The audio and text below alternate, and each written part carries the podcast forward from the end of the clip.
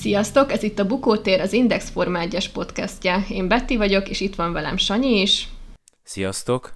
2019 után tért vissza Montreal a Forma 1 vérkeringésébe, és egy igazán trükkös körülményekkel ő lepte meg úgymond a mezőnyt. Beszéljük át szerintem a hétvége történéseit.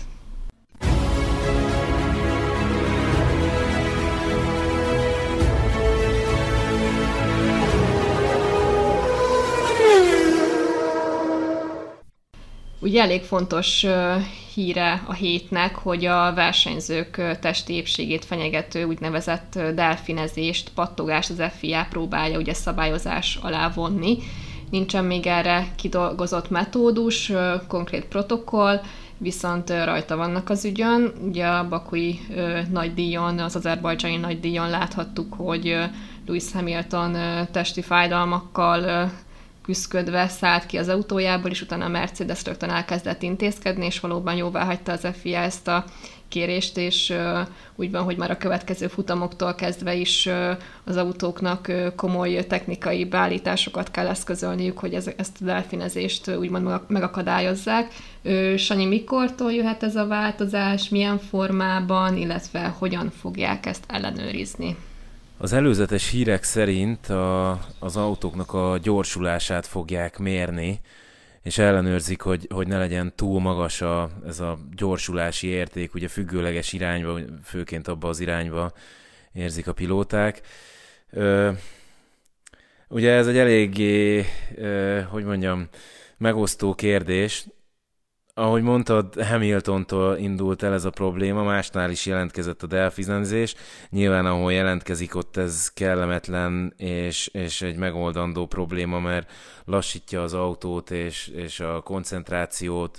ö, megnehezíti, nagyon lefárasztja a pilótákat. De, de ugye a Hamilton jó nagy hangot adott, meg jó szenvedett tőle a, ö, itt a, a bakúi verseny után de valahogy most a, a legutóbbi verseny után, ahol dobogóra állhatott, annyira már nem szenvedett mégse.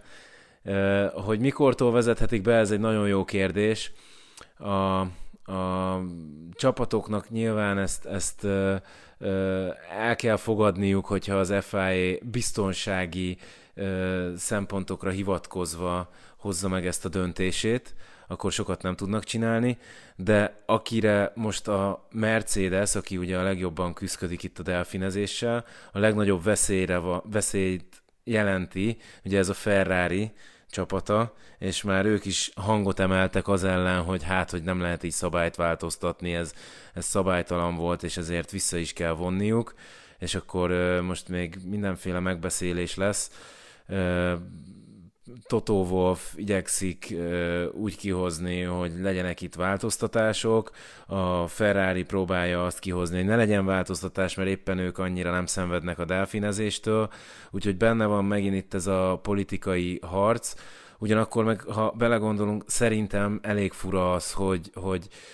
kihoztak egy új szabályzatot, aminek a következtében jött egy, egy aerodinamikai hatás, amivel vannak csapatok, akik küzdködnek, és emiatt kényelmetlenebb, rosszabb vezetni az autót, és vannak csapatok, akik meg nem, aztán, aztán a lobbyerőt kihasználva az egyik csapat azt mondja, hogy hát ez így nem jó, és akkor változtassunk, és változtatnak de hogyha mondjuk egy olyan ülést készítenének, ami ö, nyomná a pilótának a hátát, hát most arra nem hoznának másik szabályt, hát csináljatok egy másik ülést, és akkor nem fogja nyomni a hátát. Úgyhogy nem tudom, nekem úgy azért elég sok kérdést fölvet ez a dolog. Persze, régen, régen ugye, amikor még a Forma 1-ben sokkal több haláleset történt, amikor föltették a pilótáknak azt a kérdést, hogy figyelj, most föltesszük az autóra ezt az alkatrészt, két tized másodperccel gyorsabban tudsz menni, de nem tudjuk, hogy lesz-e tőle baleseted vagy nem, akkor 10-ből 9, de lehet, hogy 20-ból 19 pilóta azt mondta, hogy igen, igen, tegyük föl, és, és próbáljuk ki. Úgyhogy emiatt lehet, hogy tényleg szabályozni kell azt, hogy ne hasson túl sok gyorsulás, túl nagy gyorsulás a, a pilótákra, de az, hogy emiatt mondjuk azok a csapatok, akik, akiknek jól jött ki a lépés itt a szabálymódosítása, őket büntessük, azzal nem feltétlen értek egyet. Igen, ez egy érdekes kérdés, viszont főleg Bakuban volt ez probléma. Én őszintén nem igazán láttam most a Gilles Villeneuve circuiten, hogy ennyire szenvednének, a, akár a Mercedes is ennyire szenvedne a pattogás jelenségétől. Ö, hogyha már ugye itt tartunk, hogy Kanadában volt ugye a verseny hétvége, ö, milyen karakterisztikája ö, van ennek a pályának, ö, milyen műszaki beállításokkal kellett erre a pályára készülniük a csapatoknak? Még arra reflektálnék, hogy valóban itt kevésbé látszódott a Mercinél a pattogás, Szerintem, szerintem folyamatosan, nyilvánvalóan folyamatosan dolgoznak a, a, hogy megoldják ezt a, ezt a káros hatását az autónak. Sőt, pénteken még, még hoztak is egy, egy, egy kis fejlesztést, ami egyébként szabálytalan, egy, ez, egy, ez egy konkrétan egy ilyen kis plusz tartó, a, ami a padlólemezt merevíti, nem engedi úgy deformálódni nagy erő hatására, amiből egyébként egy fönn van az autón, egy engedélyezett, kettő nem. Ők kipróbálták, hogy mi van, ha föltesznek kettőt, annak pozitív hatásai lettek, de valószínűleg fölemelik az autó hasmagasságát, hogy ne e, pattogjon annyira. Lehet, hogy itt ezen a pályán meg tudták tenni, hiszen amúgy sincs akkora leszorító erőre szükség, úgyhogy e, azért itt, itt sok mindentől függ. E, nyilván pályafüggő is, de, de sok mindentől függ. E, Gilles Villeneuve szörkit, vagy pálya, vagy nem tudom, hogy lehet szépen magyarul mondani, de ö, egy, egy, egy nagyon érdekes pálya, szokták egyébként motorgyilkos pályának is nevezni, hiszen ö, hajtűkanyarokkal van teletűzvedelve, ö, hosszú egyenesek között sikánok, ö, tehát folyamatosan fékezés, gyorsítás, fékezés, gyorsítás. Ebből adódóan egyébként a, a fékekre is ö, komoly hatással van, és, és láttunk korábban már ö, fék problémával is kiállni itt autókat. Ö, egyébként ugye, mivel, mivel tényleg hosszú egyenesekkel van tele ez a pálya, emiatt viszonylag alacsonyabb leszorító erővel mennek az autók, Ö, és, és a, ugye a sikánoknál ott meg meg kell oldani, hogy, hogy azért a kigyorsításon legyen tapadás, szóval itt ez egy mindenképp, mindenképpen egy kompromisszum ö, ba, so, vagy tereli bele a csapatokat. És, és igen, ez, ez nekem nagyon tetszik, hogy, hogy, hogy sokféleképpen be lehet állítani az autót, hogy nagyjából ugyanolyan köridőkre legyen képes, és ez Bakuban is, és itt is most nagyon szépen kijött, hogy azok a, az autók, amik úgy vannak beállítva, hogy mondjuk a kanyargos részen esetleg gyorsabban tudjon menni, azoknak valószínűleg feltehetően nagyobb leszorító erő, tehát nagyobb légellenállásuk van, és amikor a kanyarba rámennek a, a kanyarban egyébként lassabban menő autóra, aminek kisebb a légellenállása, az egyenesben egyszerűen a DRS segítségével sem tudják megelőzni, és ez, ez, ez nekem így tényleg a csapatoknak egy plusz taktikai ö, dolgot is figyelembe kell venni. Én nem emlékszem, hogy az előző években ilyesmit láthattunk volna. Igen, elég érdekes jelenség. Tekintsünk a pénteki napra, illetve a szombati szabad edzésre. Ugye pénteken az első két szabad edzést mindkettőt ugye Verstappen nyerte meg, itt még száraz körülmények között zajlott az első és második gyakorlás, viszont már itt is megmutatkozott az alpinoknak az ereje, ugye Alonso harmadik lett az első szabad edzésen, a másodikon ötödik, és a harmadik szabad edzést már meg is nyerte, az viszont ugye már konkrétan nedves esős körülmények között zajlott. Az Aston Martintól is vártuk, hogy, hogy valami, valamit mutatnak majd a futamon, mert Sebastian Fettel a második szabad edzésen például negyedik pozícióba végzett, viszont ugye az Aston Martin annyira nem villogott most a pontszerzést illetően. Szerinted az Alonzónak volt a, a futam hétvégéje, az időmérőt tekintve ugye második helyre hozta fel az Alpint. Ez egy akkora bravúr szerintem a spanyoltól, hogy konkrétan ő is így a kicsit vicces módon nyilatkozta utána, hogy hogy persze az a cél, hogy elsőként forduljon és megelőzze Verstappent, és konkrétan tényleg ez volt a cél, nyilván ez nem sikerült neki, de, de szerinted mi lehet Alonzónak a titka, miért ilyen harapos még mindig a mezőnyben, ez csak amiatt van, mert ő a mezőny egyik legrangidősebb pilótája, vagy ennyire tapasztalt, vagy bármi. Tehát én azért mondanám azt, hogy, hogy ő a Schumacher a megdöntője, tehát én azt mondanám, hogy ha például egy Red Bullba ülne, akkor nagyon nagy esélye lenne a világbajnoki cím megszerzésére. Nem tudom, te mit gondolsz arra? Kétségkívül egy hihetetlen tehetség, és ö, ö, 40-hez közel, vagy már 40-en túl van ő? É, szóval azért ilyen korban már nem sűrűn lehet ö, ö, pilótákat, ráadásul jól teljesítő pilótákat látni. Ö, amikor a Schumacher visszament a Mercibe, akkor is ugye a, az ő fő célja az volt, hogy, hogy a, a csapatnak az építését segítse, Egyébként hasonló célral jött vissza nagy valószínűséggel Alonso is nem számított arra, hogy ő ezzel az autóval uh, itt, itt világbajnok lehet az első egy-két évben, nem biztos uh, megvannak még a céljai, meg a versenyszellem az még ugyanolyan erős benne, mint uh, korábban, hanem erősebb, hogy megmutassa, hogy igen, ő, ő, ő mit tud. Én azt gondolom, hogy, hogy uh,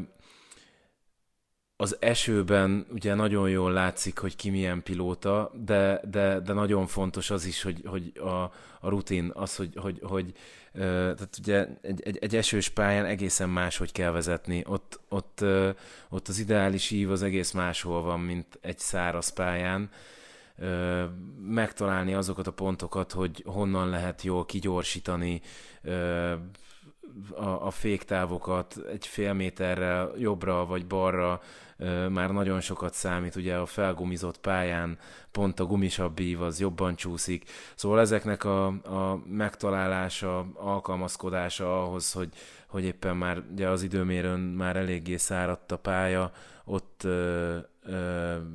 mennyire tudja megtalálni azokat a, az íveket, ahol kevésbé vizes, és, és érdemes oda kimenni, vagy az intermédieten inkább nem. Szóval igen, ez, ez én úgy gondolom, hogy rutin, tehetség, kitartás, biztos vagyok benne, hogy nagyon komolyan veszi még a mai napig. És egyébként mit gondolsz erről, hogyha mondjuk valaki esőben jól megy, akkor az abszolút legjobb pilótának mondható, vagy, vagy vannak kifejezetten esőmenő pilóták, és vannak olyanok, akik mondjuk csak száraz körülmények között tudnak jól menni, de mondjuk mégis világbajnok alkatok? Hú, ez egy elég nehéz kérdés. Az biztos, hogy aki, aki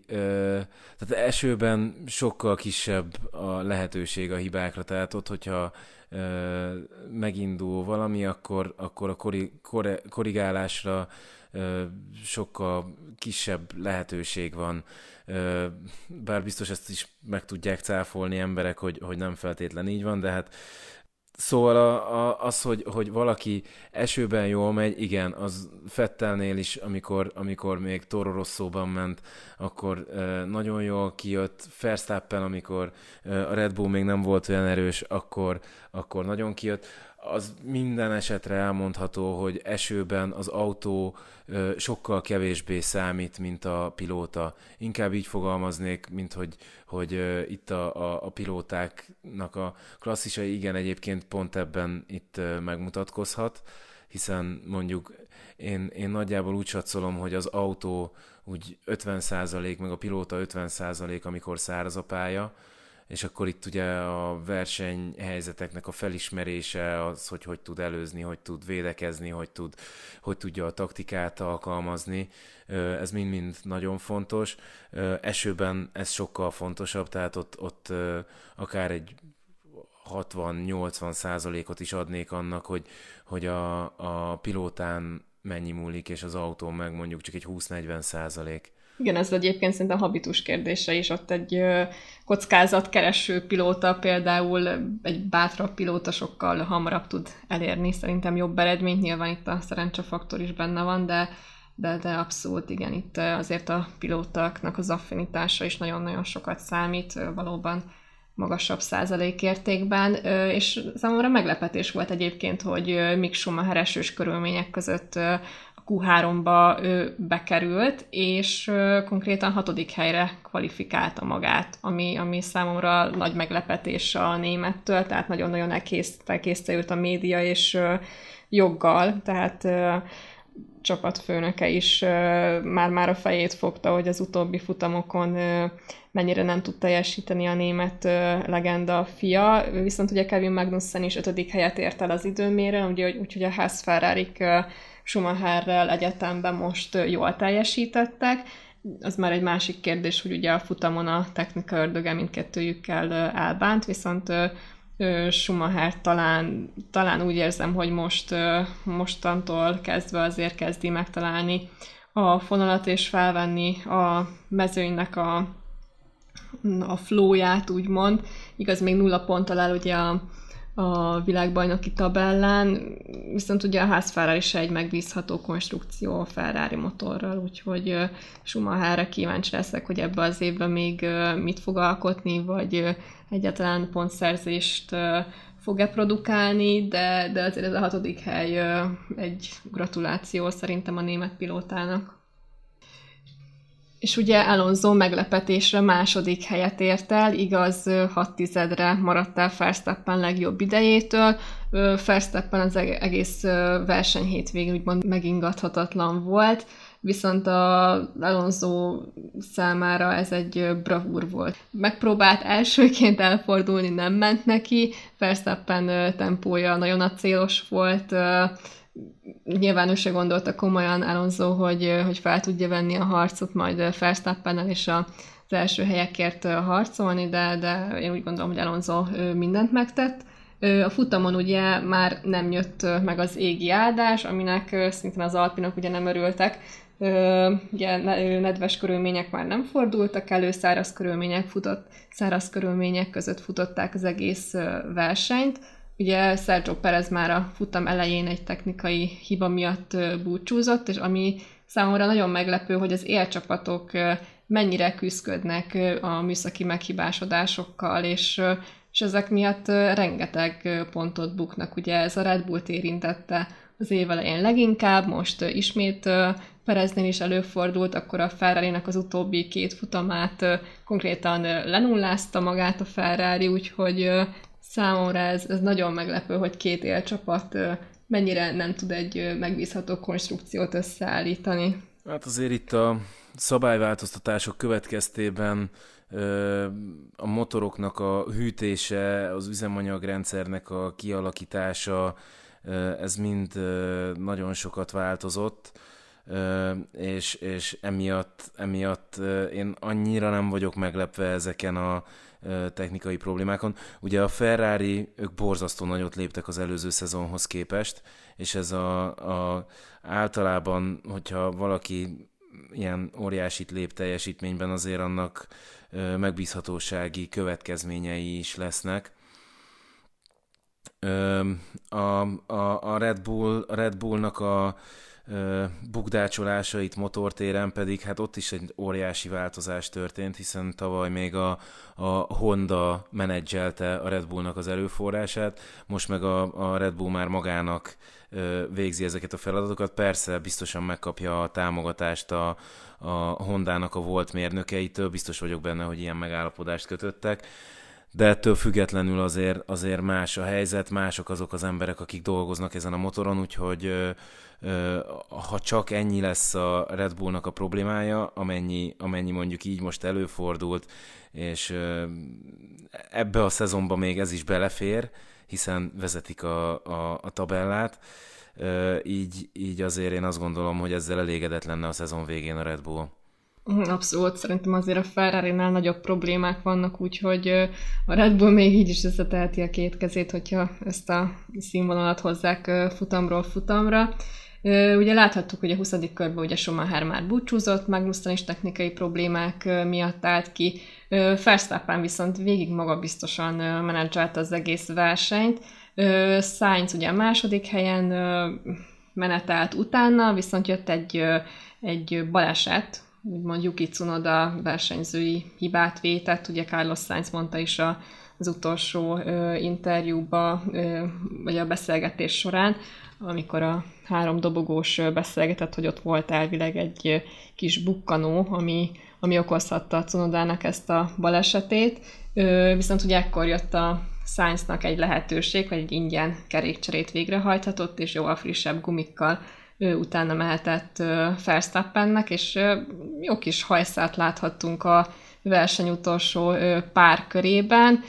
viszont nem volt meg a Ferrari-nál az a, az a kis tempó előny, ami, ami által az előzési pozíció és az előzés abszolválható lett volna, vagy csak Sainznak nem volt annyi ereje vagy versenyzői képessége, mint mondjuk Löklernek lett volna. Én pont ezt mondtam egyik kollégánknak, hogy lehet, hogy ebbe az esetben Charles Leclerc meg tudta volna előzni Max verstappen de ugye ezt most már nem, nem igazán tudjuk meg, viszont azt láthatjuk, hogy Verstappen, illetve a Red Bull és a Ferrari fejfejben lett van most tempó tekintetében, talán egy minimálisan jobb a, jobb a Red Bull, viszont a Ferrari is